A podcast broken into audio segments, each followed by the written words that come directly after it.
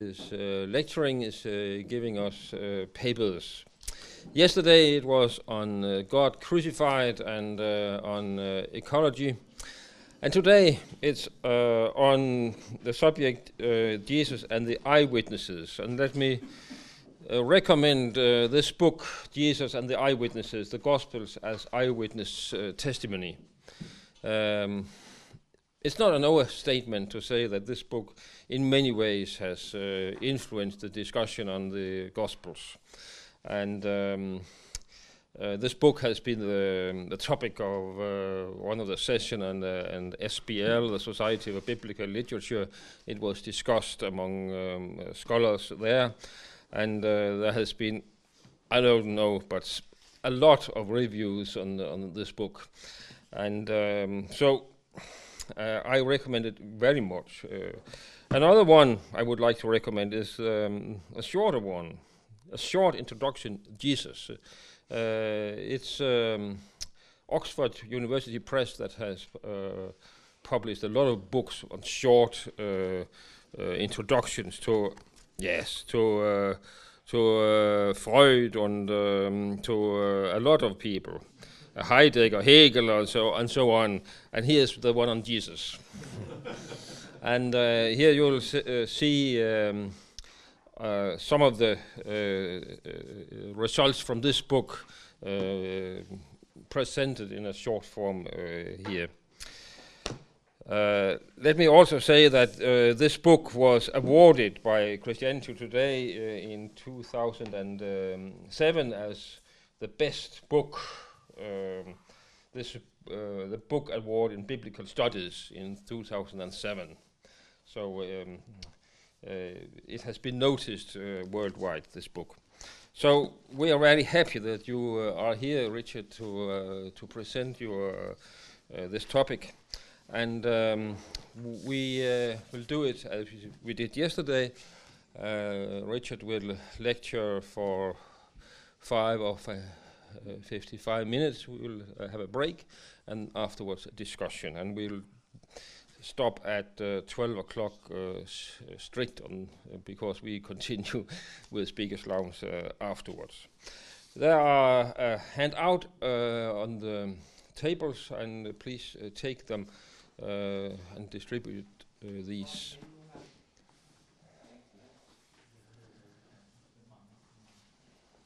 Yeah. Well, please. Thank you very much. Thank you. Uh, actually, just a, another word about the little book, Jesus, a very short introduction. And when I wrote it, I did have in mind uh, sort of secular people who know very little about Jesus and uh, or, or, or the New Testament. So I tried not to presuppose very much. So it's a kind of book you might actually find useful for giving to people who are interested um, but don't really know very much about the subject at all. Um, but uh, now I'm going to talk about Jesus and the eyewitnesses.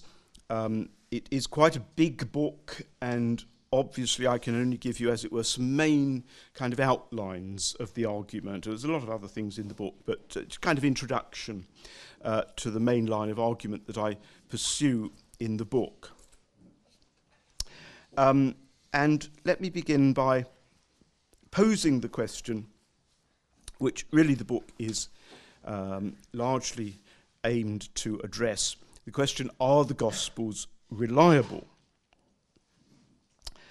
Uh, are these four Gospels that we have in our New Testament uh, uh, collection, are they reliable means of access to the real Jesus? Are the Gospels history, or legend or myth or mere propaganda.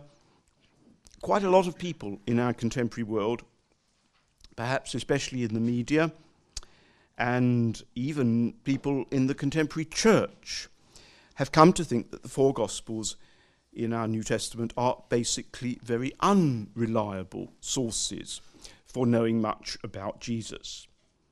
Some people are willing to believe that other Gospels apocryphal gospels, so called Gnostic gospels, that did not get into the New Testament canon, may be better sources for knowing much about, for, for knowing about Jesus than the four New Testament Gospels.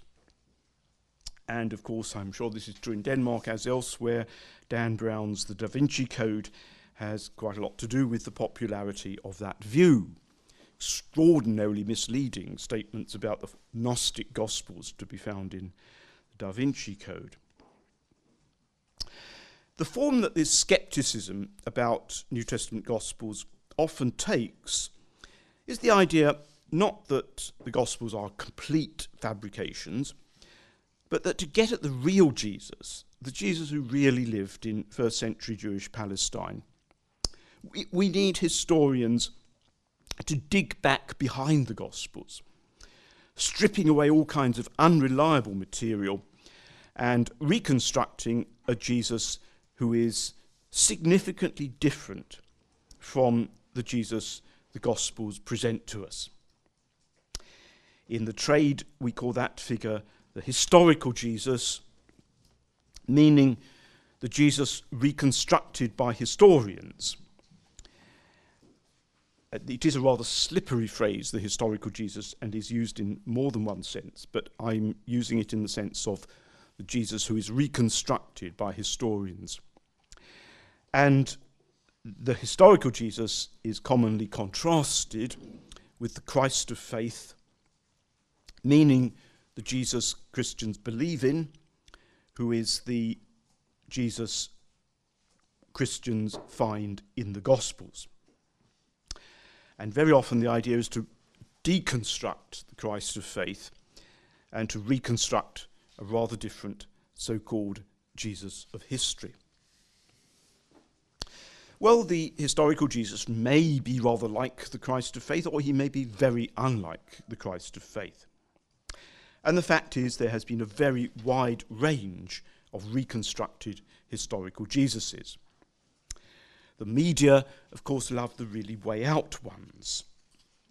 The people who every so often claim to have discovered that the real Jesus was totally different from how we had ever imagined him from my youth, I remember John Allegro's theory that Jesus was actually the name of a kind of hallucinogenic mushroom. uh, as you might imagine, that was in the 1960s. But that sort of wildly imaginative reconstructions of Jesus are, are, simply at the radical end of a spectrum, and many serious scholars, for whom I have enormous respect, pursue the search for the historical Jesus in a much more responsible way. And there is a lot to be learned from them. But where I think much excellent gospel scholarship has lost its way is in its understanding of how the Gospels came about. For a century, scholars have pursued the search for the historical Jesus by means of a particular historical model of how the Gospels came about, how the traditions about Jesus reached the writers of the Gospels. Let's call that the old paradigm. It's been that old paradigm that has guided the way scholars in search of the historical Jesus have tried to excavate the Gospels in search of the really reliable stuff that needs to be rescued from the much less reliable stuff. These scholars differ widely as to what the really reliable stuff is, but in trying to determine it, they're working with the same model of how the Gospels came about. Uh, about. Uh, my book argues that the old paradigm has in fact been crumbling under the weight of argument after argument um, that have been exposing its weaknesses for some time. We need a new paradigm, and I'm proposing it in the book. In a nutshell, what I'm trying to do is to put back into a central place in the picture the eyewitnesses, the people who actually witnessed the events of Jesus' career and remembered his teaching. And you'll see the point of this as I go on. But first of all, we need to say something about uh, the old paradigm. It derives from a group of scholars in the early 20th century who are known as the form critics, and they include most famously Rudolf Bultmann.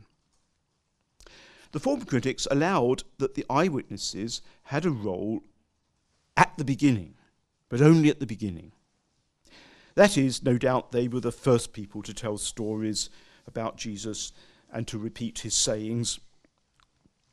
But from then onwards, the oral traditions about Jesus had a life of their own, with which the eyewitnesses had nothing more to do. The traditions were passed on orally in the early Christian communities, the form critics claimed, as anonymous community traditions. In other words, nobody said, This story I'm telling you about Jesus comes from Peter, or this one comes from James, or whoever. The traditions were owned and shaped by the communities, and it was only as anonymous community traditions that they reached the writers of the Gospels.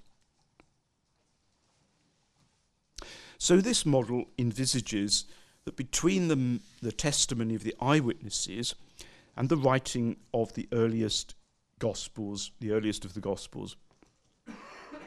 There was a period of maybe 30 to 40 years in which oral tradition formed and fashioned the traditions about Jesus. Scholars, of course, differ as to how conservatively or how creatively the traditions would have, be would have been hand- handled in oral tradition and that issue itself deserves to be debated. But I want to focus on the central feature of my argument in the book, which concerns the eyewitnesses. Well, someone once remarked that if the form critics were right, the eyewitnesses must have ascended to heaven almost as soon as Jesus did. My book tries to work through the implications of supposing that they did not. Of course, for a long time, the eyewitnesses were not only still alive, but in touch with the Christian communities. The major eyewitnesses were very well known. They would have remained throughout their lifetimes the accessible sources and authoritative guarantors of the traditions that they themselves had formulated at the beginning as well as the major eyewitnesses, mostly the uh, well known disciples of Jesus. Uh, there were also many minor eyewitnesses, people who might perhaps tell the story of the miracle they themselves ha- had been, by which they themselves had been healed by Jesus. Paul, writing in the year 52 53, some 20 years after the event, has in 1 Corinthians, as you'll remember, a catalogue of the people to whom Jesus appeared after the resurrection. And among them, he mentions an appearance to 500 believers at the same time. And he adds, many of them are still alive. Now, he must mean, if you don't believe me, check it out with those people, or some of them. Now, if Paul could say that with regard to minor eyewitnesses, as most of the 500 must have been, how much more would it have been true of the major eyewitnesses, people like Peter and James, whom Paul also includes in his list, who were indubitably alive and well at the time when he was writing? He doesn't have to say so, everybody knew that. Now, since, therefore, eyewitnesses, major and minor, were still around and well known at the time when the Gospels were written, or at least not long before, it seems surely very likely that the writers of the Gospels should have learned the traditions about Jesus from the eyewitnesses themselves, or at least from people who had received the traditions from the eyewitnesses themselves. In that case, we should call the process by which the traditions reached the Gospels, not oral tradition, but oral history, comparing it with uh, the kind of history that oral historians nowadays uh, do. More on that in a moment. Um, something then about identifying eyewitnesses in the Gospels. Because many scholars have said if you just look at the Gospels, they don't actually seem concerned uh, to tell you that what they're telling you is uh, based on eyewitness testimony. Um, are there indications in the Gospels um, as to um, the, the eyewitnesses that the Gospel writers are claiming as their sources? To claim that the eyewitnesses told their stories about Jesus and repeated his teachings, and that in the Gospels we are close to the way they did so, is of course to revert to something like the view that was usual in the Christian church from the second century down to the 19th. And it's still, I find when I talk about the book to, to some uh, ordinary Christian believers, churchgoers, um, it still comes as news to them that the dominant scholarly paradigm sees things very differently from this. So I am reverting to something like the traditional view, but I want to stress that the arguments are new arguments. The book would not have claimed the attention it has and stirred the discussion it has if it had simply repeated the old arguments that you can find if you go back to the 19th century. The arguments are substantially new ones. Um, sometimes, as I said, the uh, scholars support the old paradigm by pointing out that the Gospels do not claim to be based on eyewitness testimony. Now, on this view, the titles of the Gospels are not original, and so, for example, the title of Matthew's Gospel is not a claim uh, by the writer of the Gospel itself to derive in any way from the Apostle Matthew. And we could, we could talk about the Gospel titles, um, but for the time being, leave aside the titles. And still, on the face of it, two of the Gospels do claim to be closely related to eyewitness testimony. Luke's Gospel is, is the only one, as you know, that has a preface. It has the sort of preface that historians in the ancient world wrote. And in the preface, the author tells us about his sources, as one would expect in a piece of ancient history. The author says he received his traditions from those who were eyewitnesses from the beginning. Even more striking, the Gospel of John claims in its closing words um, to have been actually written by a disciple of Jesus. Now, scholars working with the old paradigm do not take these apparent claims seriously for a number of reasons, including the fact that if we do take them uh, at their most obvious meaning, uh, they are incompatible with the old paradigm. I think we should take these claims at face value, um, but I'm going to focus in the lecture especially on the Gospels of Mark and John. Mark, in the first place, because I agree with most scholars that Mark's is the oldest of the four Gospels, and because modern readers do not readily find in Mark any indications that it's closely based on eyewitness testimony. So, what I want to argue is that for the first readers or hearers, of course, most people heard it read rather than reading it for themselves. Um, for the first readers or hearers, Mark's Gospel actually would have given some quite strong indications of who its eyewitness sources were. Now, it's important to begin with reader expectations what readers expect of what they read has a lot to do with literary genre, the kind of literature that they think they are reading. It makes a big difference to how you read a book, whether, for example, in, in terms of modern literary genres, you think it's a novel or a work of history or a collection of short stories or, or a travel guide or whatever. And uh, usually in, in ordinary life, you know, we're familiar with the different genres of books that you can buy in the bookshops or get online or whatever, and uh, we know what to expect of the. If you get it wrong, you know, if you start reading a, a volume of short stories thinking it's a continuous novel, you'll be misreading it and you'll run into trouble. So we do really depend, we do it kind of without really thinking hard about it, but we do depend on what we think this kind of literature is when we read it. Now, one very significant advance in gospel scholarship fairly recently, um, which I'm uh, entirely dependent on and uh, happy to acknowledge that this is a, a, a trend that I've uh, taken up, um, is that probably a majority of scholars now agree that the genre to which the first readers of the Gospels would most readily have thought that the Gospels belonged was that of the ancient genre of biography, the life of a great man. Um, I do have to say the ancient genre of biography, all kinds of things we might expect in a modern biography don't, don't apply.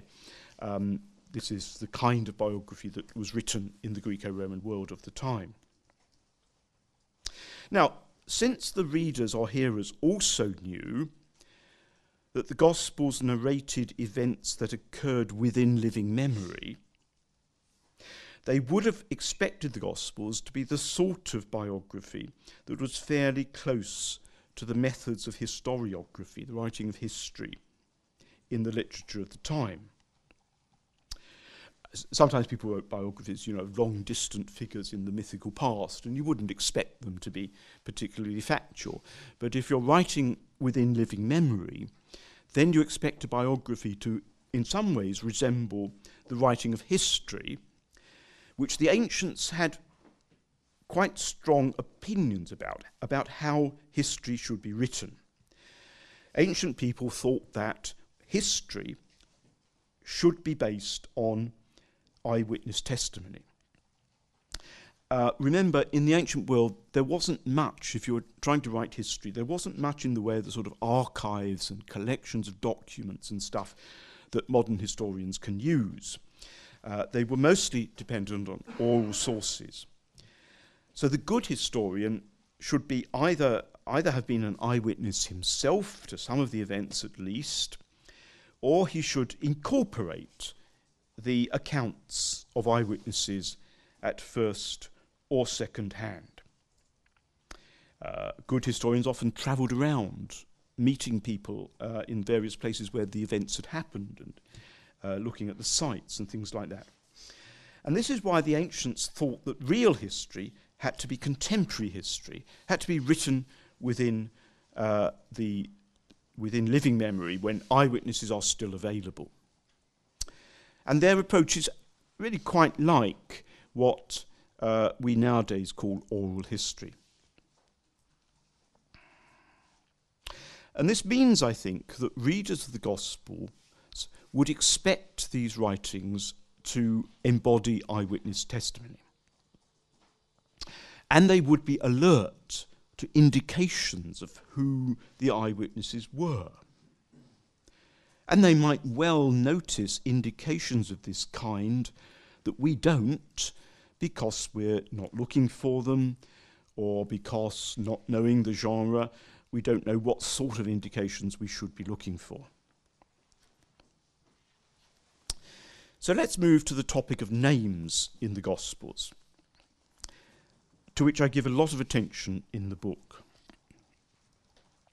Not many people have thought much about the occurrence of personal names in the Gospels. But it's an interesting issue that can teach us a number of things. For a start, there is the way certain characters in the Gospels are named and others are anonymous. It's not surprising that well known public persons such as Pontius Pilate and the high priest Caiaphas are named in the Gospels.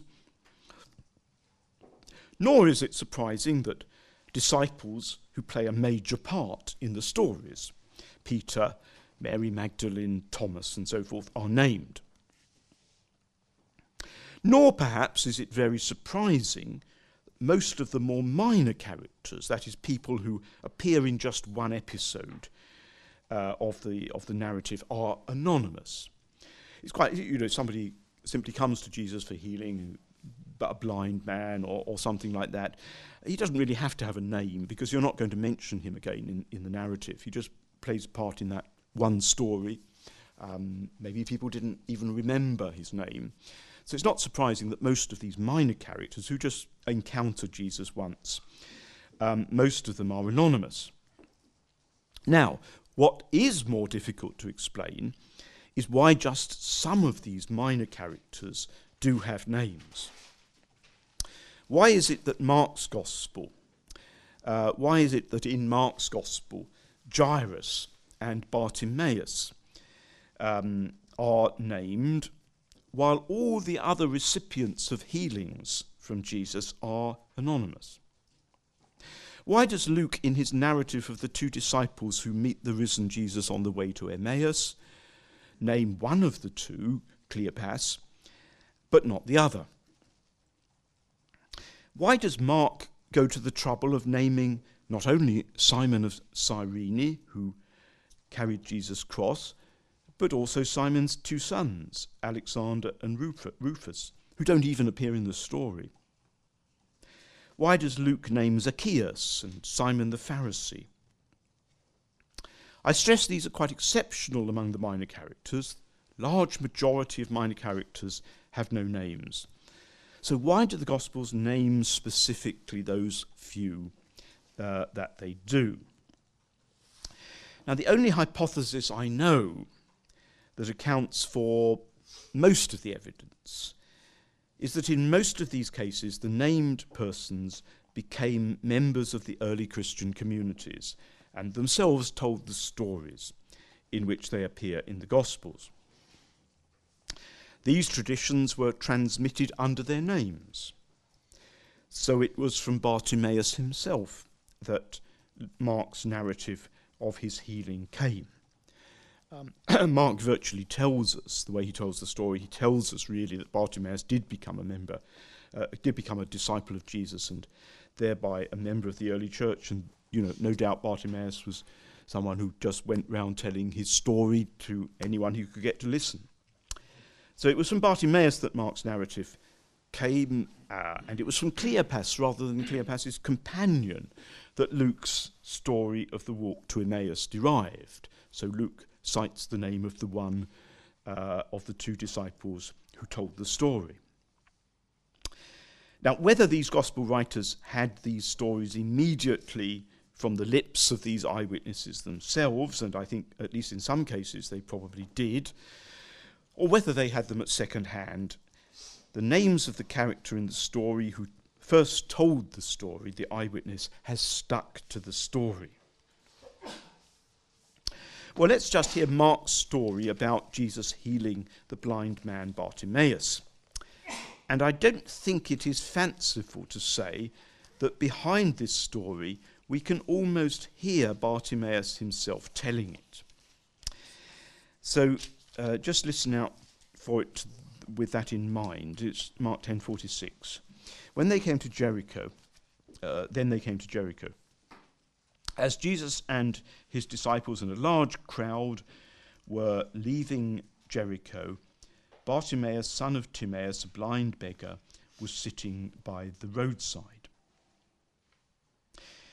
When he uh, and remember that until the end of the story he is blind, so he's someone who can't see but hears.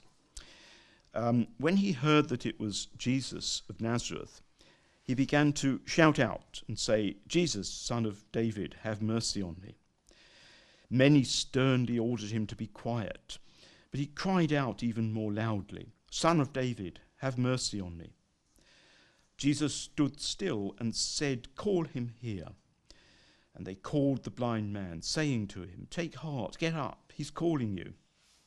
So, throwing off his cloak, he sprung up and came to Jesus. Then Jesus said to him, What do you want me to do for you?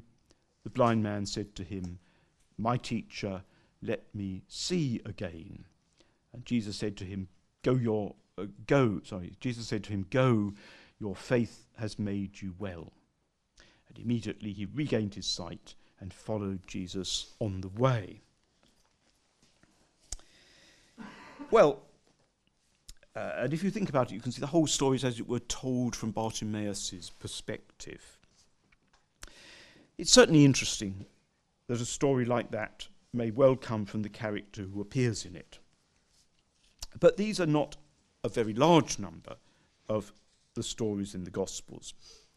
So we still need to ask whether we can identify eyewitnesses would, who would have uh, who would have been much more major sources of uh, large parts of the gospel narrative.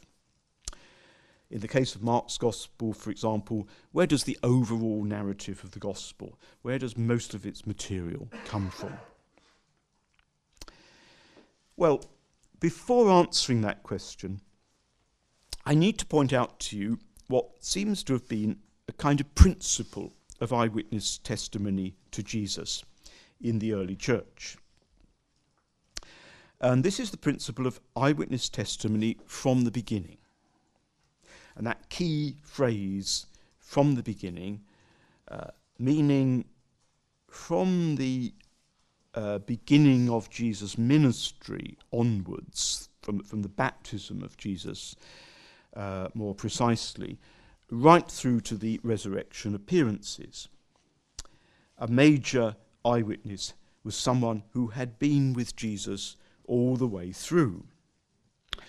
Now, we find that principle in the, in the narrative at the beginning of the Acts of the Apostles, when the number of the twelve apostles needs to be made up again after Judas's defection and death. And we find the criterion for becoming one of the twelve, fulfilling Judas's place, is that such a person had to be someone who had been with Jesus from the beginning. One such person is elected to succeed Judas, but there were evidently other disciples of Jesus who also fulfilled that criterion. All too often, you know, people imagine the 12 apostles were the only disciples Jesus had. Actually, of course, Jesus had a much larger number of disciples, some of whom at least were disciples from an early stage of his ministry and stuck with him through to the end. So the twelve were the best known of those who were eyewitnesses from the beginning, but there were others too. So when Luke, in the preface to his Gospel, says he received the traditions about Jesus from people who were eyewitnesses from the beginning. He uses that phrase again. From people who were eyewitnesses from the beginning. He could be referring to members of the twelve, but he could also be referring to other personal disciples of Jesus. And finally, that phrase, witnessing from the beginning, turns up again in John's Gospel in chapter 15, um, where Jesus talks about his disciples, talks to his disciples, and says, uh, You are my witnesses because you have been with me from the beginning. So, if we find that rather technical sounding phrase, both in Luke's Gospel and Acts and in John's Gospel, we can, I think, be pretty sure this was kind of standard idea in the early church. The most important eyewitnesses were those who had been with Jesus from the beginning of his ministry. So now let's imagine one of the early readers or hearers of Mark's Gospel, armed with this principle, looking out for indications of who might be the key eyewitness or eyewitnesses behind Mark's Gospel. Very soon, such a person would hear of the beginning of Jesus' ministry and then of Jesus' call of his first disciples. The first disciple of all, uh, the first one to be mentioned in the Gospel, is the fisherman Simon, who later comes to be called Peter. Moreover, Mark lays special emphasis on Simon by repeating his name. He says, Simon and Simon's brother Andrew. He could have said it would have been more natural to say Simon and his brother Andrew. Um, actually, some English translations translate it like that because it's less clumsy, Simon and his brother Andrew. And it would also be the more obvious way of saying it in Greek. Uh, but Mark actually says Simon and Simon's brother Andrew, emphasizing the name Simon. So Simon is the first disciple to be named in Mark, and he is also the character who appears in the gospel much the most frequently, apart from Jesus himself. And add to that the fact that Peter is also the last disciple to be named. In fact, the last name to appear at all in Mark's Gospel, in the story of the women at the empty tomb. Now, this pattern, first and last to be named, with many appearances between those two endpoints, forms, I think, a kind of pattern of reference to Peter that marks him out as the character from whom Mark received the bulk of the traditions about Jesus that he records.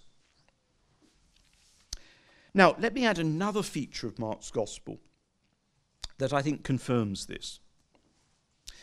Peter is present at almost all the events narrated in the Gospel up until the story of his threefold denial of Jesus, which occurs during Jesus' trial before the high priest. But Peter is not present for the rest of the Gospel's narrative, nor indeed are any of the twelve apostles present. They had all fled when Jesus was arrested in the Garden of Gethsemane. All Jesus' male disciples fail him at the end. None of them are there when Jesus is crucified. Yet, the events of Jesus' crucifixion his burial in the tomb, and the finding of the tomb empty on Easter Sunday morning, the first sign of the resurrection. This sequence of events is probably, for Christian faith, the most important part of the gospel story. If anything in the gospel needed to be soundly based on eyewitness testimony, surely these events did. Mark does indeed adduce eyewitness testimony um, for those events which none of the twelve apostles, and certainly not Peter, witnessed. For the first time in his gospel, Mark introduces the women disciples of Jesus, uh, naming three of them. And these three, Mary Magdalene, the other Mary, and Salome, are present looking on as Jesus is crucified and dies Two of the three, Mary Magdalene and the other Mary, he tells us are present when Jesus was buried, observing where Jesus was buried. Then all three of them are named again when uh, they come to the tomb and find it empty. Moreover, if you read carefully Mark's references to these women, he is constantly saying that they saw and observed. He could hardly have piled up more instances of verbs of seeing. The women actually do hardly anything else except watch and observe. Mark, it seems to me, is telling us very clearly that these women are the disciples, the eyewitnesses, from whom the narrative of these events, which Peter, his principal eyewitness source, was not present, these are the eyewitnesses who are present when Peter was not. Now, the earliest statements we have about the origins of the Gospels by an author writing after the Gospels um, are from a man called Papias, who was Bishop of Hierapolis in Asia Minor at the beginning of the second century. Unfortunately, we only have fragments. You know, if I had the power to wish uh, something for them to find in the sands of Egypt, uh, next year, I, I, think I'd ask for Papias's work. Absolutely fascinating. We only have these tantalizingly short fragments. But among what we do have, Papias tells us that Mark acted as Peter's interpreter, presumably translating Peter's Aramaic into better Greek than he, Peter could manage himself, and that Mark wrote his gospel on the basis of the traditions as he heard them from Peter. Papias's evidence about Mark's dependence on Peter um, has uh, used to be taken very seriously, uh, not only throughout church history, but also by many uh, modern biblical scholars down to the first decades of the last century. But then the form critics set the trend uh, for gospel scholars to stop taking Papias seriously.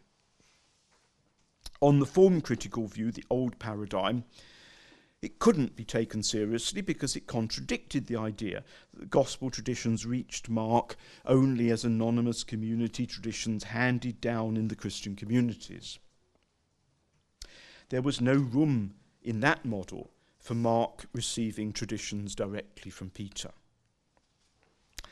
I think it's time for a new look at Mark's gospel in the way that I've suggested, and then I think the evidence of the gospel itself bears out Papias's claims. Mark's gospel actually claims, in subtle features of the way it is written, to rest on Peter's eyewitness testimony, for the most part, supplemented by some others, especially the women disciples.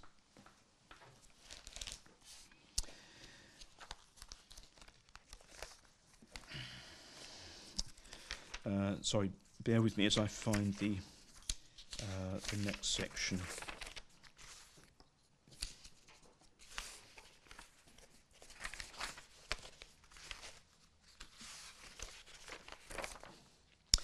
Um, yeah, so I'll say something now about John's Gospel,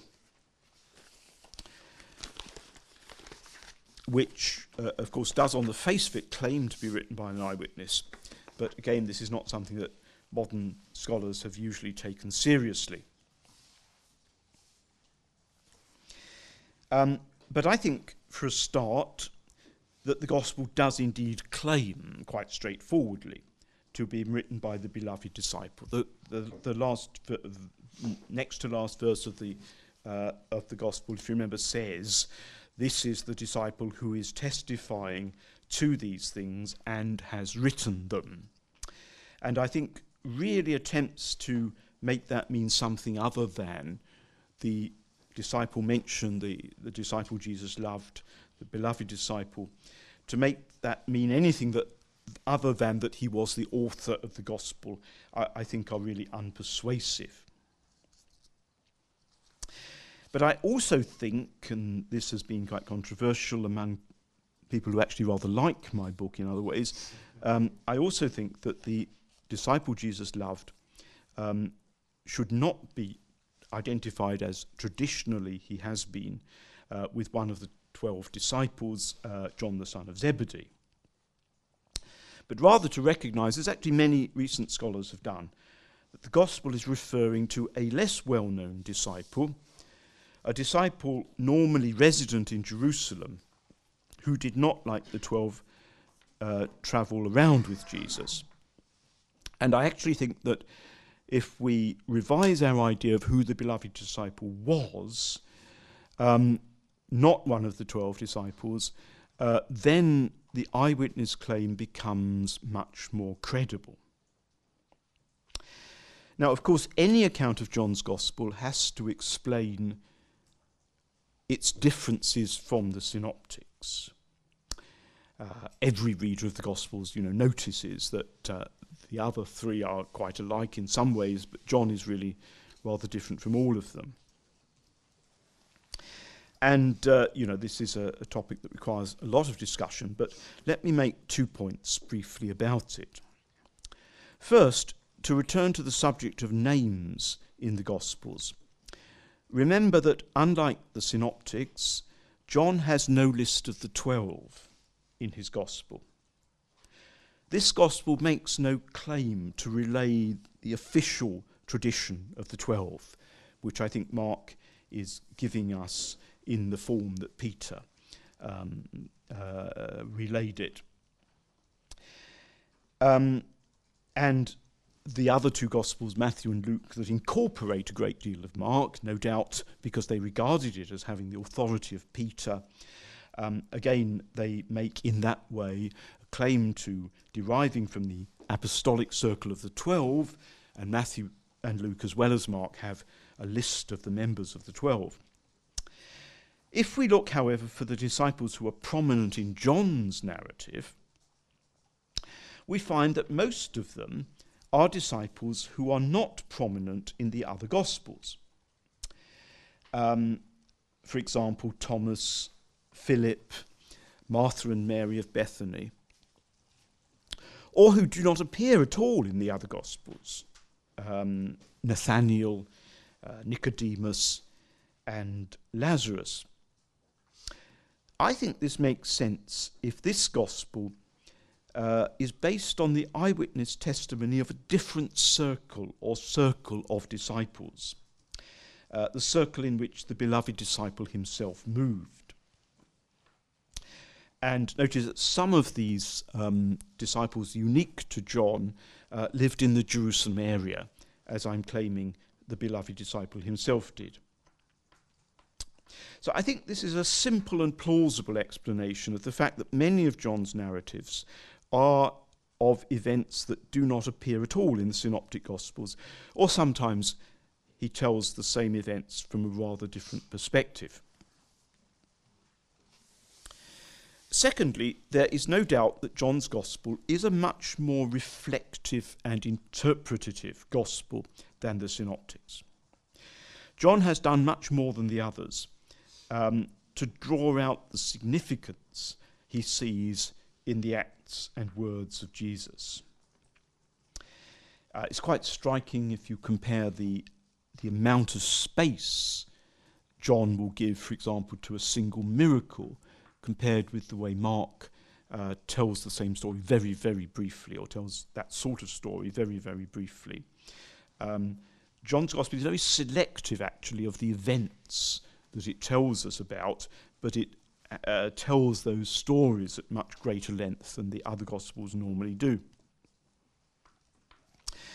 Now, this difference um, between the Synoptics and John, that is, the fact that John is evidently a more reflective and interpretative Gospel, has a lot to do with the conviction of so many scholars that this Gospel could not possibly have been written by an eyewitness.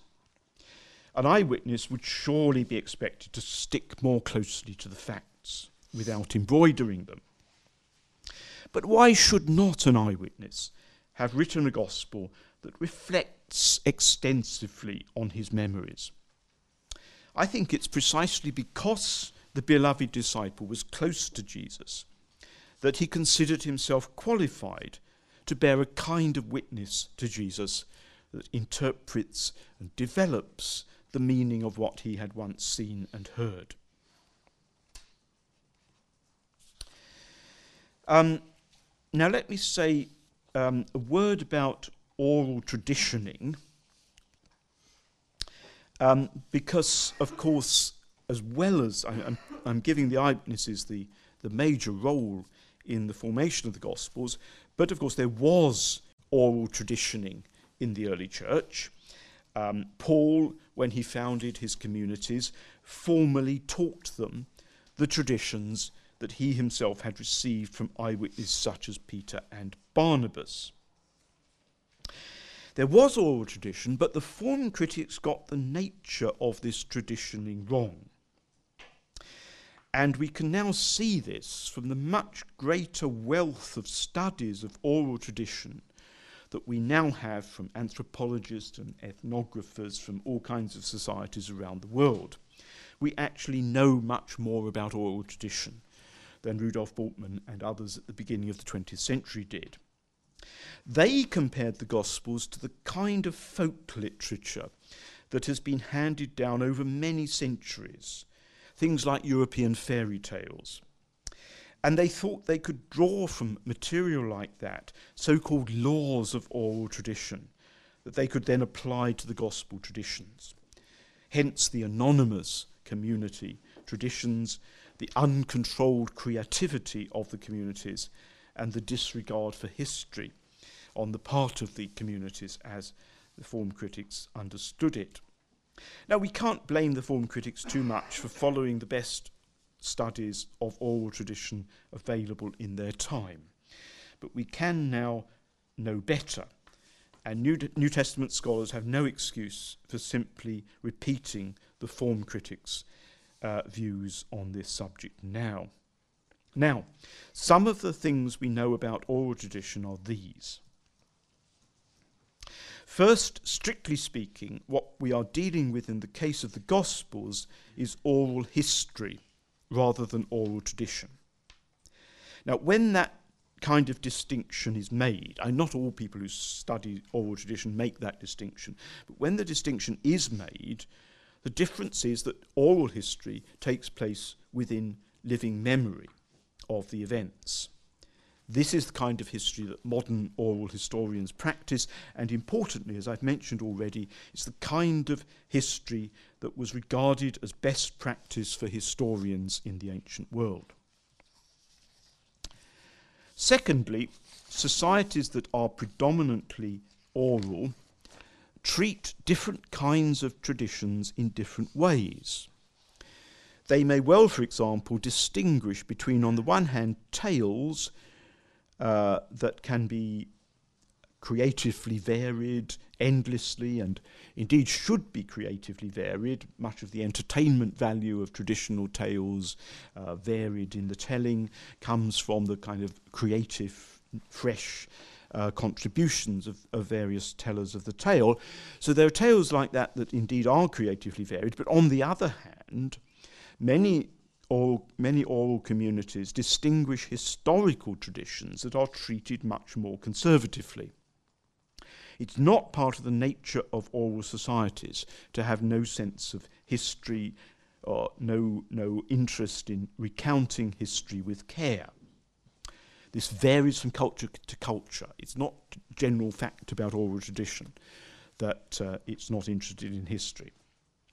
And there is no difficulty in supposing that the early Christian communities, even though they belonged to a predominantly oral society, valued the genuinely historical character of the traditions about Jesus and were therefore concerned with pre- preserving these traditions faithfully.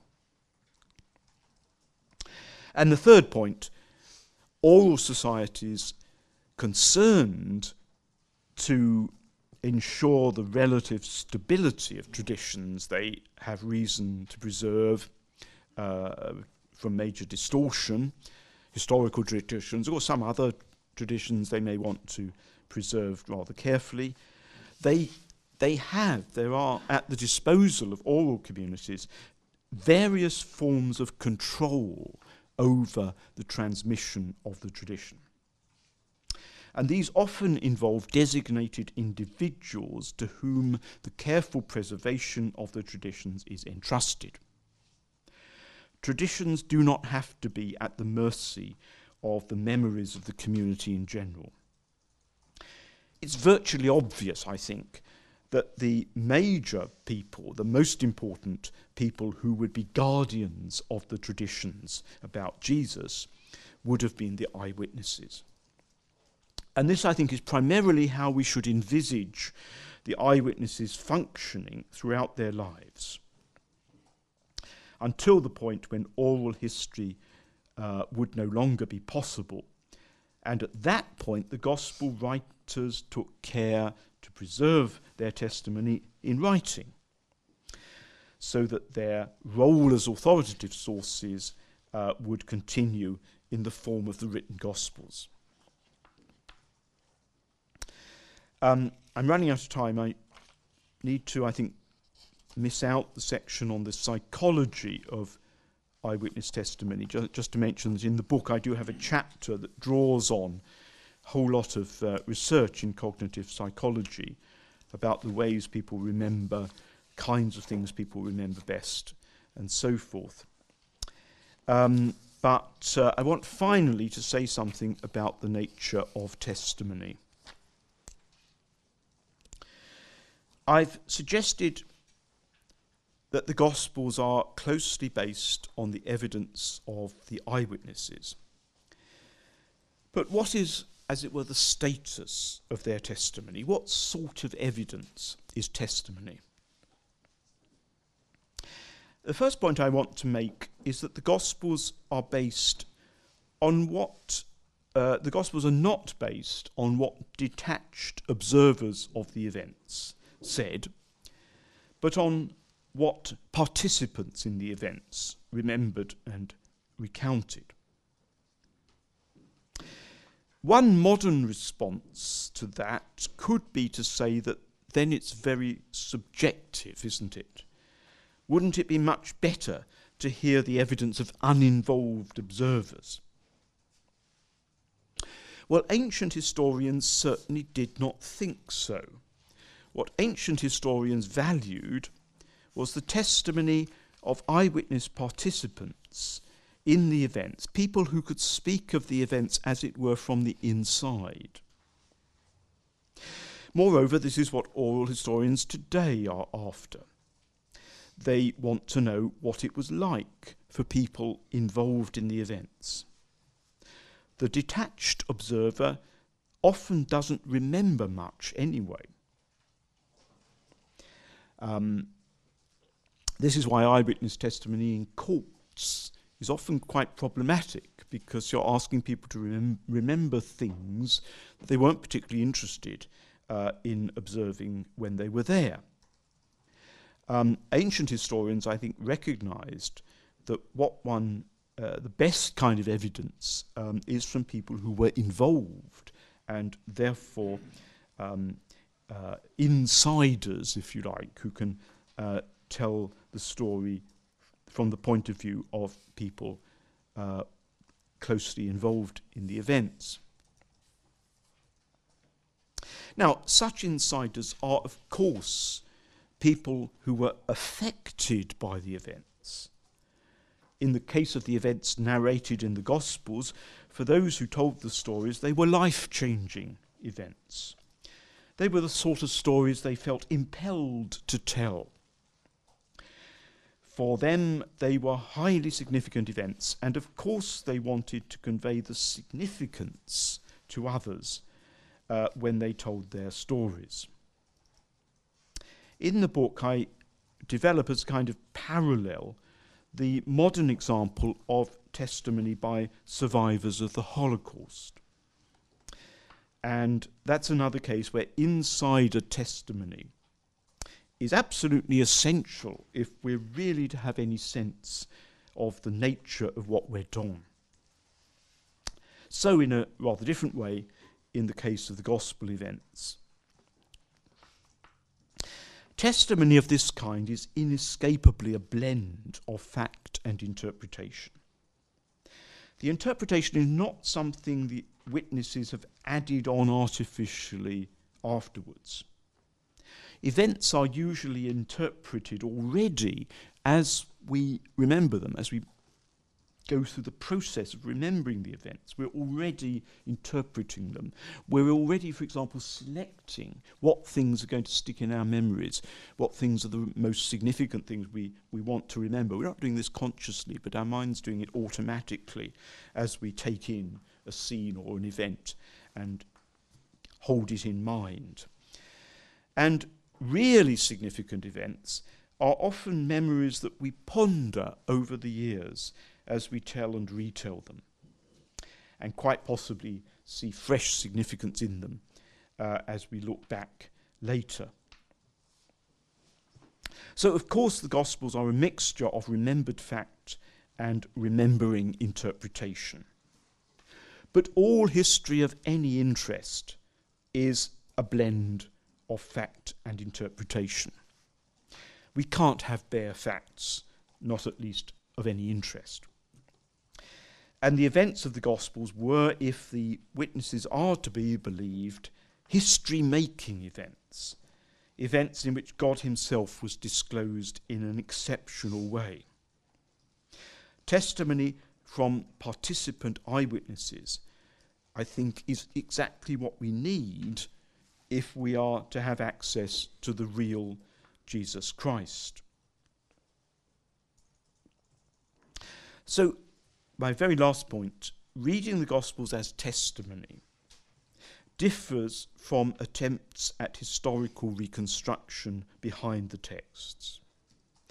It takes the Gospels seriously as they are, it acknowledges the uniqueness of what we can know only in this testimonial form.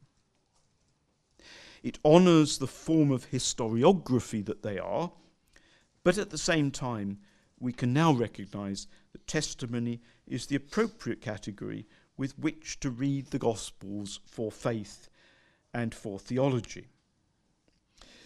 These eyewitness testimonies speak to us from the inside of the events, experienced by those who recognize the disclosure of God in them.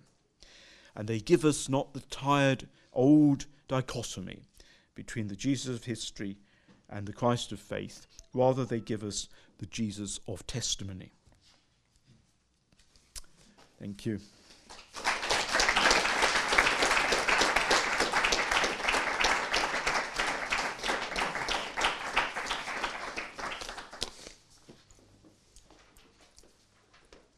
Thank you so much, uh, Richard. Um, uh, now we have uh, a break.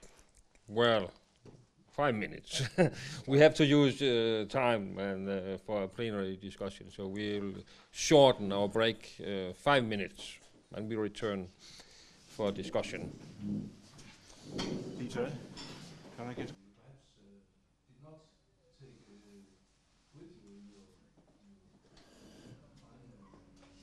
So I didn't quite catch that. What, what did I not take with me? The queue. Oh, the Q source. Yes, yes. Yeah. Yes, the, the, yes, the, the question is about why, why I said nothing about Q, really, yes. Um, it's because what I'm trying to do in the book, I, I'm not trying to do a source analysis. What I'm trying to do is to show the ways in which the Gospels themselves indicate their sources. And it seems to me we would never, you know, if we only had Matthew's Gospel or if we only had Luke's Gospel, we couldn't identify Q. I mean, Q comes out of sitting down and comparing the Gospels for ourselves. So I, I don't think the evangelists give us any indication of, of, of, you know, the existence of Q. So it's not something the Gospels themselves are trying to tell us. Um, now, I do think that Matthew and Luke uh, clearly do have common material. And in some places, they are so close verbally that there has to be, I think, a, a written source as well as Mark's Gospel. Um, but I'm fairly undogmatic about Q. I mean, I'm not. I, I, I don't know whether all the stuff we call Q was one source or more than one source. You know, I don't know how people can be so confident that this material was all one source. Um, and um, I mean, what I do think, you know, given Luke's preface, I think uh, Luke's sources, whatever they were, must have been regarded by him as close to eyewitness source, you know. And as I say, I'm, I'm, I'm sure that Luke, as it were, knew Mark's gospel as the testimony of Peter, so it's kind of an eyewitness source for Luke. And I'm inclined to think that um, there are probably a lot of sources in Luke's gospel. I think Luke was the kind of writer who went round gathering material from different people, you know. Um, so it, it may be that, you know, he, he has something like Q, um, but it may not be all one source. And, and there's, you know, as you know, there's a lot of stuff in Luke that has no parallels in the other Gospels. I suspect that Luke is, um, you know, dependent on quite a range of sources, and, and that, uh, you know, that, that some of Luke's stuff came firsthand from eyewitnesses he met. I mean, if Luke, uh, you know, if the author of the Gospel of Luke is the person who's speaking in the we passages of Acts, you know, whether you get the first person plural in Acts, if that's the author of the Gospel and Acts, then Luke was about two years hanging around in Jerusalem while Paul was in prison in Caesarea. So Luke had loads of opportunity at that point to meet eyewitnesses in the Jerusalem area uh, firsthand. So I, I, think Luke may well have you know drawn on lots of sources. I mean, I, I, I think you remember that the, the uh, Luke makes more of the women disciples than the other than this the Mark and Matthew do, and uh, there's one um, woman. Joanna, who is peculiar to Luke, she's only in Luke, and he tells us a few things about her. Uh, I think there's quite a good chance that Joanna was one of Luke's sources. Um, but, um, uh, you know, I mean, one can speculate about sources by kind of studying. Um, but I, uh, really, in the book, what I was trying to show is uh, because so many people have said, you know, the Gospels aren't eyewitness sources because they don't claim to be. And I was trying to argue the way in which for the early readers or hearers of the Gospels, there would have been ways uh, that they would pick up as to kind of who who the major eyewitnesses were in in the various Gospels.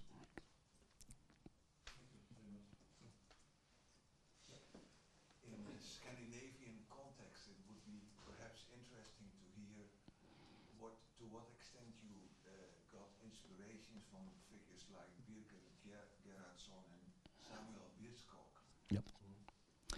Um, yes, I, uh, in in a way, Byrskog's book was a kind of one of the sort of triggers to my thinking out this argument. You know, he, he uh, and uh, in the beginning of the book, I, I um, show the way in which I'm taking up um, ideas that he has. I, his book was quite important for for my work.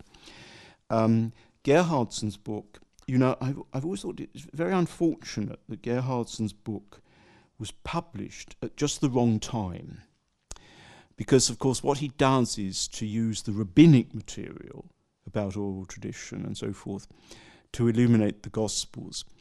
And it was just at the point when lots of New Testament scholars were thinking, well, you know, actually, the rabbinic material is later, and we can't really use it for the study of the Gospels.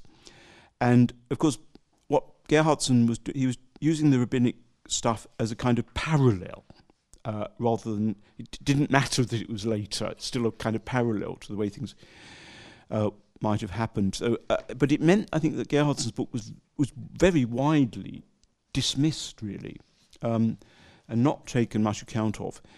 Um, and uh, so it, it it didn't have the influence that it should have done, I think. Um, and I do rather carefully in the book avoid using rabbinic material for that reason, um, because I want to show that this argument doesn't have to depend on thinking about what the rabbis were doing later.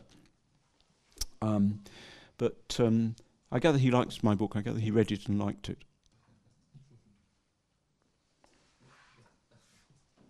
Does the difference between St. John's Gospel and the Synoptic Gospel, does it not only reflect, reflect persons, but also a difference between Galilee and. Uh, yes, yes, yes, yes, yes, exactly. Um, and, and that's why I think, in common with quite a number of people, that the beloved disciple was probably a, a resident of Jerusalem, you know. Uh, so he didn't travel around with Jesus like the twelve. I also think, in, in terms of theology, mm-hmm. wisdom uh, Christology and things like that, which is more prominent there? Has it to do with, with things like that? Could it have to do with things like that? Um, it, it, could do. Um, oh, I'm sorry. Um, the question is about the, the prominence of Jerusalem, events in Jerusalem, in uh, in the fourth gospel as compared with the others. Um, and uh, the specific point just made was uh, does, for example, the, the, Christolo- the Christology of John's Gospel perhaps reflect a different context? Um, I mean, it's certainly true in a sort of general sort of way that um, uh, if you uh, if you grew up, particularly if you're in a sort of elite family in Jerusalem, you're likely to have a good deal more education than someone from Galilee. So um, I mean, we don't know, but there could be behind the way in which this writer has, you know, reflected and interpreted, uh, there could be a, a much, um, you know, a more sort of um, educated knowledge of Jewish traditions and theology and, and that sort of thing than in the others. Um, it's possible, yes. Was that the sort of thing you were meaning? Yes, yeah, good. I would like to draw attention to uh, your um, your hit list of names. Mm-hmm. you have uh, you have in your book mentioned the names that we have in the Gospels Mm. compared to uh, a list made by an Israeli researcher on person names Yep. in uh, non-Christian literature, and and you show that it's exactly Palestinian names and not Yeah. uh, diaspora names. I- I mean, I- exactly. Tal Ilan. I mean, the, the list is is kind of my list compiled from the data Yeah. in, in her book. But she's done a. Uh, the time when I'd written the book, she had done a, a lexicon of uh, Jewish names, uh, Palestinian Jewish names, um, from this kind of period. I mean, actually, from three from 300 BC to 200 AD. But as it happens, uh, a lot of the material is in the kind of middle of that period, around around the New Testament period. Um, so you can look up any name that we have any evidence for, inscriptions, papyri, Josephus, you know, any any Palestinian Jew of the period. You can look up the name and you can see how many people we know who had that name. Um, and it's it's about 3,000 people, which is a lot, you know. So you can, I think, draw reasonably reliable statistics as to the most common names. Um, and one of the things I do in the book is to show that um, the the names in the Gospels um, fit quite well with with that. I mean, for example, you know, there's there are a lot there are a lot of Marys in the Gospels. And the tendency has always been in the tradition that people sort of identify these Marys, you know, identify Mary of Bethany, Mary of Magdalene, Mary, the mother of James and Joseph, and so on. Um, but actually, um, uh, something like a third of Jewish women were called Mary. Um, it was an incredibly common name, really remarkable. Uh, so if you had one of those common names, you always had to say something else about the person to, to indicate who you're talking about. And there are various ways you could do it. You could name them from the place they came from. So Mary Magdalene, Mary of Magdala. You could name them by, by reference to their husband. So you get Mary of Clopas in John. Or by reference to their sons, Mary, the mother of James and Joseph. Um, uh, sometimes it doesn't apply to Mary, but um, sometimes people would have a nickname or a family name. Um, so you get some of those in the Gospels. Simon the Zealot among Jesus' disciples. There are two Simons in the twelve. So Simon Peter, Simon the Zealot. Um, the Gospels actually kind of use all these different ways in which, if you had a very common name, you, you really just had to have something else to identify you. Um, uh, uh, uh, th- there was a kind of fairly small number of extremely common names, and then a very large number of very rare names. And similarly, in the Gospels, you get a few, few very rare names and quite a lot of these common names. But yes, the other point you made is that the naming practices in Palestine were actually very different from the diaspora. And Tal Ilan has since then done um, a volume for the Roman diaspora, uh, which shows that in great detail. I mean, when I wrote the book, I had to rely on some not so good evidence, not so complete evidence about the diaspora. But it's very clear that Jews in the diaspora, you know, just had a quite different sort of the names that were popular were different and, and so forth. It was different. So the names in the Gospels and Acts, the bit of Acts that's set in Palestine, um, are really very credible um, for the, the context. Um, and it isn't therefore very likely, you know, that, that, that someone like Luke, writing wherever he was writing, probably outside Palestine, would just kind of invent names um, that would turn out to be suitable, and particularly the proportions. You see, the proportions. Uh, the proportions are what you get from putting all the four Gospels and that bit of Acts together, and then you can have sort of such and such a percentage of Simon and so on. And the relative proportions is something that nobody designed when they were writing the Gospels. It's simply what we've got when we put them together, and it correlates very well with this other data. So I think that there's an awful lot you can learn about names actually, and, and we're we're just at the you, know be, before Ilan's book, one had to go to all kinds of articles in the journals where they reported this or that archaeological find. I mean, it was very difficult to bring all the stuff together, and it's just kind of really uh, easily available now, and lots of stuff one can do with it. It's also a, a, a good confirmation that uh, traditions were not created. Yeah, exa- exactly, yes, communities, exactly. Uh, Mi- Asia Minor or, or Yes. Or Yeah, and then they used the common name among the Jews there. They, exactly, I mean, that's. Uh, exactly. I think it's very convincing that that Yep. could not have been because the names. And it- And the, the, the, the apocryphal gospels, the Gnostic gospels, most of what they do is just to borrow the names that are in our gospels. You know, they they they're not doing anything very different there. yes. Um, you, you distinguish between reconstructing uh, the historical Jesus and just simply hearing the testimonies about Jesus. Um, and you also said that the Gospels are that they are a blend of fact and interpretation. So how do you think that this relates to uh, simply uh, reading the, the Gospel narratives as a, as a believer? Mm-hmm. um, when, when we read the words of Jesus, can we actually think of them as the actual words of Jesus? Or are they just interpretations of actual Jesus' words?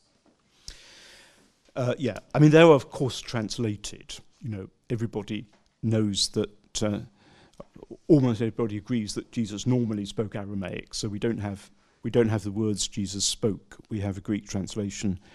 Um, it is quite interesting. I mean, I think you have to um, you have to look at the text of the Gospels. You know, and stick with Matthew, Mark, and Luke for a moment. With the Synoptic Gospels, uh, if you look at a synopsis where the texts are printed side by side, you can actually see that they are much closer when they're recording words of Jesus from when they tell stories. So they actually obviously felt more freedom to tell the story a bit differently in their own way, you know, uh, and sometimes they abbreviating Mark or, you know, uh, they do a bit more with the story, but, but they, they clearly seemed, um, they clearly saw it more important to preserve the sayings of Jesus as they had them. Now, you can also tell that they're not always identical in parallel passages. Um, and, and again, some of these are trivial things. We could be just difference of translation, you know. But there, there are some cases where it's pretty clear that one gospel writer has uh, interpreted a saying by adding a few words or varying something. You know, there, there's a level, a minor level of interpretation. I think it is fairly minor, you know. Um, but um, we don't necessarily hear at every point precisely word for word what Jesus said. But the, the, the degree of interpretation by the evangelists, I think you can see, is, um, is, is there, but it's not a, a, a huge factor.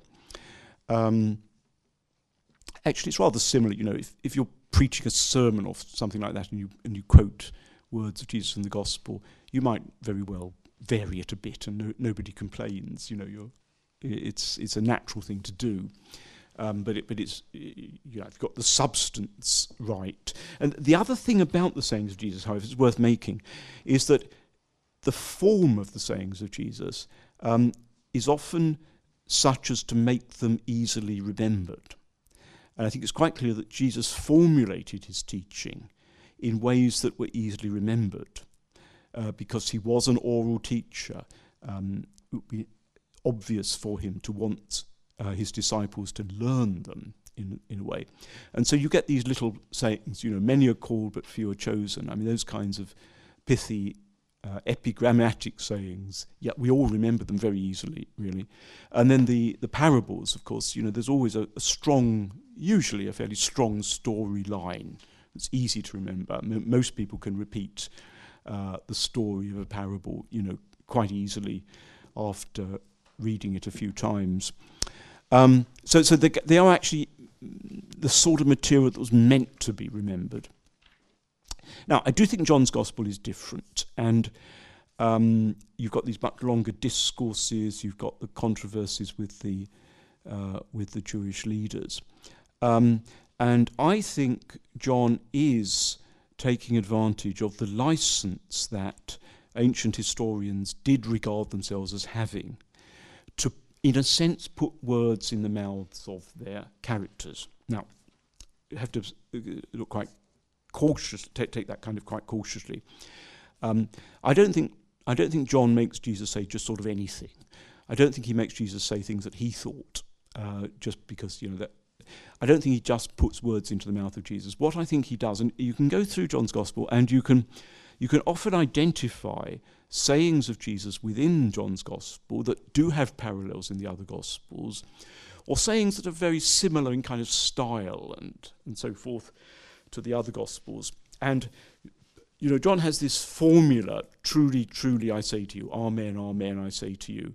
Uh, which is actually kind of peculiar to John. The, the synoptics have just Amen, I say to you. John has this double Amen. Amen, Amen, I say to you. And very often I think John is marking out in that way the traditional saying of Jesus, um, which he is then interpreting. Um, and uh, he doesn't always mark it out in that way. Sometimes you can see other sayings of Jesus. But I think usually what's going on in, in, in these long passages in John is that um, the material has, a, as it were, kind of starting point in the remembered sayings of Jesus, and it's a kind of reflective interpretation of Jesus. And I don't mean one can go through, you know, and infallibly distinguish one from the other. Um, but I, I think um, that that's, I think partly what I meant by saying it's a much more interpretative gospel. Um, he's done a bit more than just record the sayings as as as they were known. Um, so I, I would put that into understanding the differences between the synoptics and John. But I, I would also say, you know, he does that. He does that because he thinks he has a sort of authority to do so. He knew Jesus.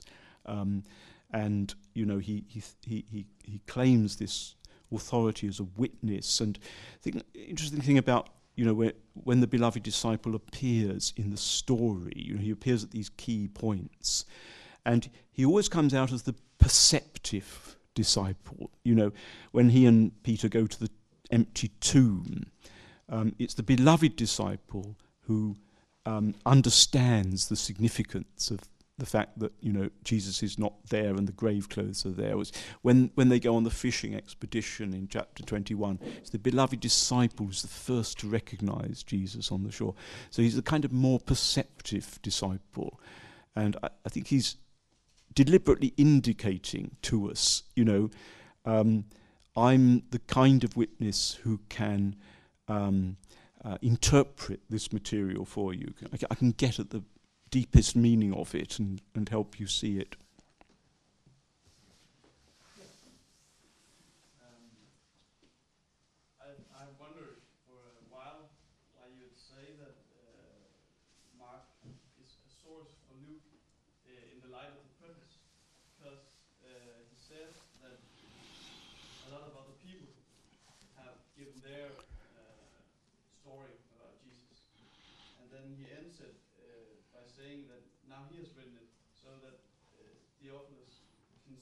Mm. how trustworthy the other things are. But isn't that a strange if he has used Mark himself, or what is, what are the other sources or the other mm. Mm. that has written something? Mm. Yeah. Um, I, I, the question. The question is, uh, if Luke used Mark's gospel, why does he say in the preface that other people have already written things that don't do the job as well as Luke is meaning to do it? Um, and what were his other sources?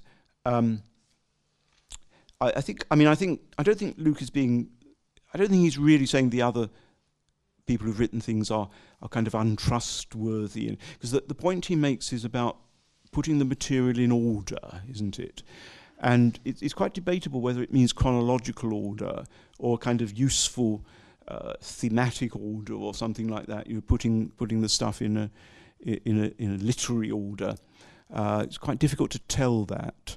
Um, I think, I mean, I, I don't think the many others have written about this means that there were several full scale gospels around. I, I don't think it has to mean that. It, it could mean that there were, you know, little collections of material about Jesus. And I suspect, you see, if, if Q existed or if part of Q was a, was a document, um, I suspect it was something like maybe a sort of handbook for preachers, you know, some stories of Jesus, some sayings of Jesus that uh, people proclaiming the gospel or teaching uh, would use as a kind of source for their teaching rather than a full scale gospel um, of the kind we have in, in Mark. I mean, I do tend to think Mark invented the idea of a gospel which tells the whole story of Jesus from beginning to end and which, as it were, sets within this overall narrative uh, the specific traditions, you know, as miracle stories and sayings and so on. Um, I, I think for a, lot of Christians, probably uh, before Mark came along, that you know they, they knew a collection of sayings of Jesus or some something like that. So I, I think the the, the written uh, rec- records behind be, before Luke um, may not may have been you know that that sort of which also explains why they haven't survived because once we've got the Gospels, you know you don't need them; they're all incorporated in the Gospels. Um, so um, is that a is that a, sufficient answer to what you were asking? Yes, yes. But, but I think that in those many others, why why can't you include Oh yeah, yeah. Well, I wasn't. And then, i- if I were to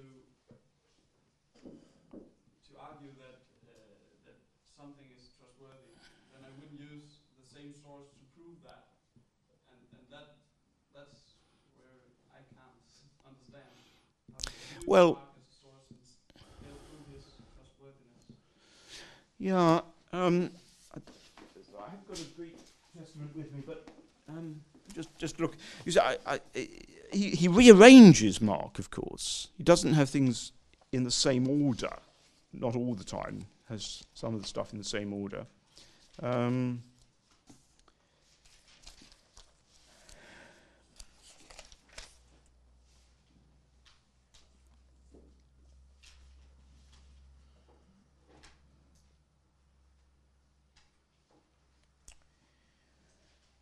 Yeah, many have undertaken to set down an orderly account of the events.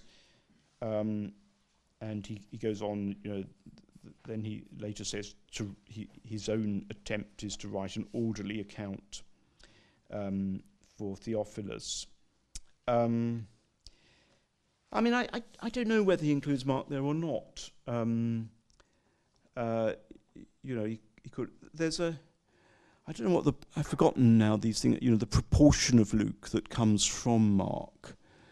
Um, but there is a great deal in Luke that doesn't come from Mark because, of course, what Luke does and Matthew does it as well is usually he abbreviates Mark. You know, when he when he tells the same story, he abbreviates it.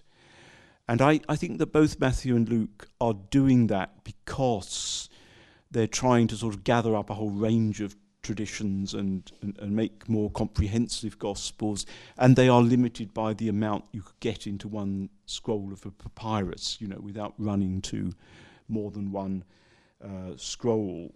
Uh, so they have this kind of space limitation, which is why Matthew and Luke and John are all about the same length, you know. Um, so, um, I mean, he's got plenty of stuff that is not from Mark uh, uh, as well. Um, uh, but I think that's about all I can say at the moment. Good question. Good question. Thank you for uh, for a very interesting lecture. I had a question about. Um, at some point, you said that uh, the primary function of the eyewitnesses was to uh, secure this uh, the tradition and the and how it was to be. Mm-hmm. uh, Mm-hmm. who were these eyewitnesses? Are you talking about the twelve, or uh, because well, I guess I've always understood the uh, Acts um, as uh, well. The, the twelve were kind of busy. um, so what do you mean by, by insecuring the, the stability of the? Well, um, I, I tend to think, you know, that the, the 12 were a kind of official body of witnesses.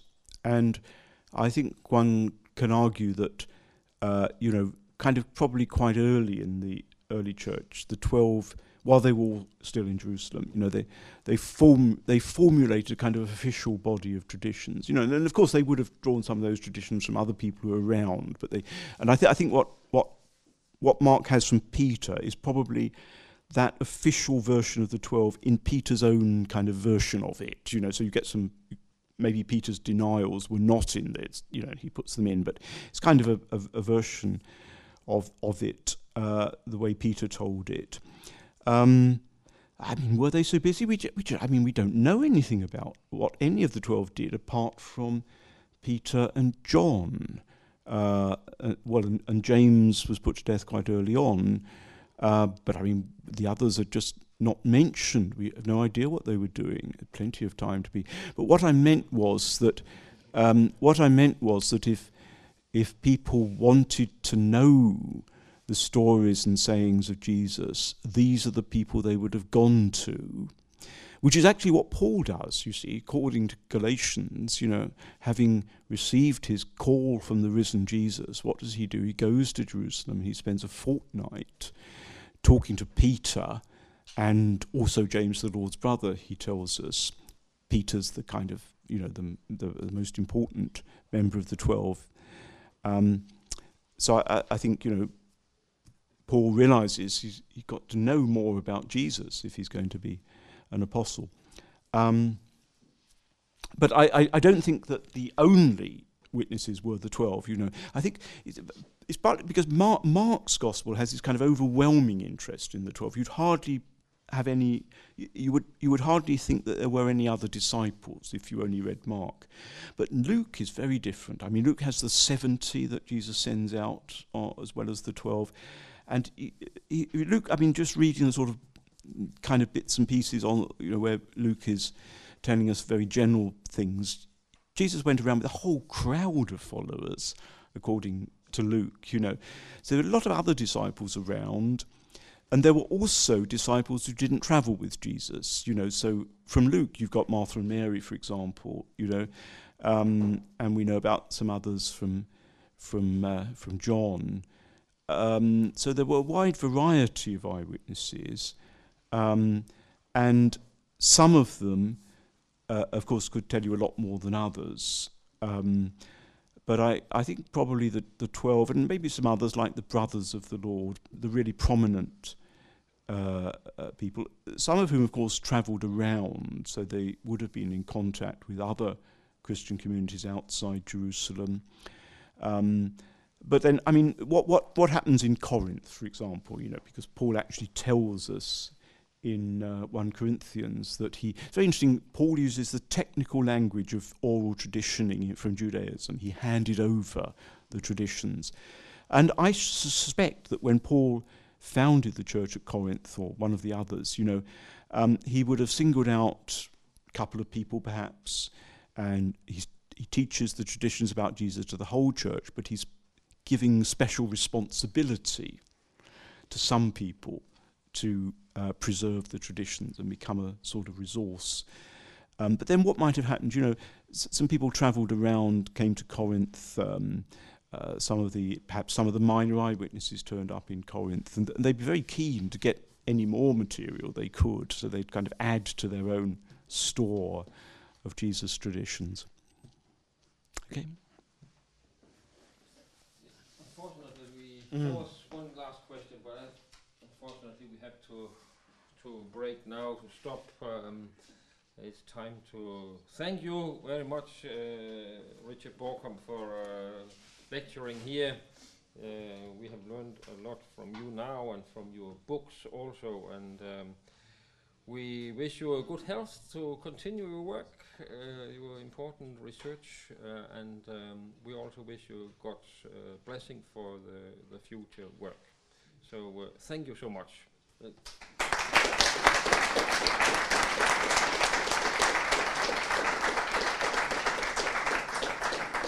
Thank you very much. I, have enjoyed being here, and thank you for your very good questions and appreciation and so forth. It's been very, very good time for me. Thank you.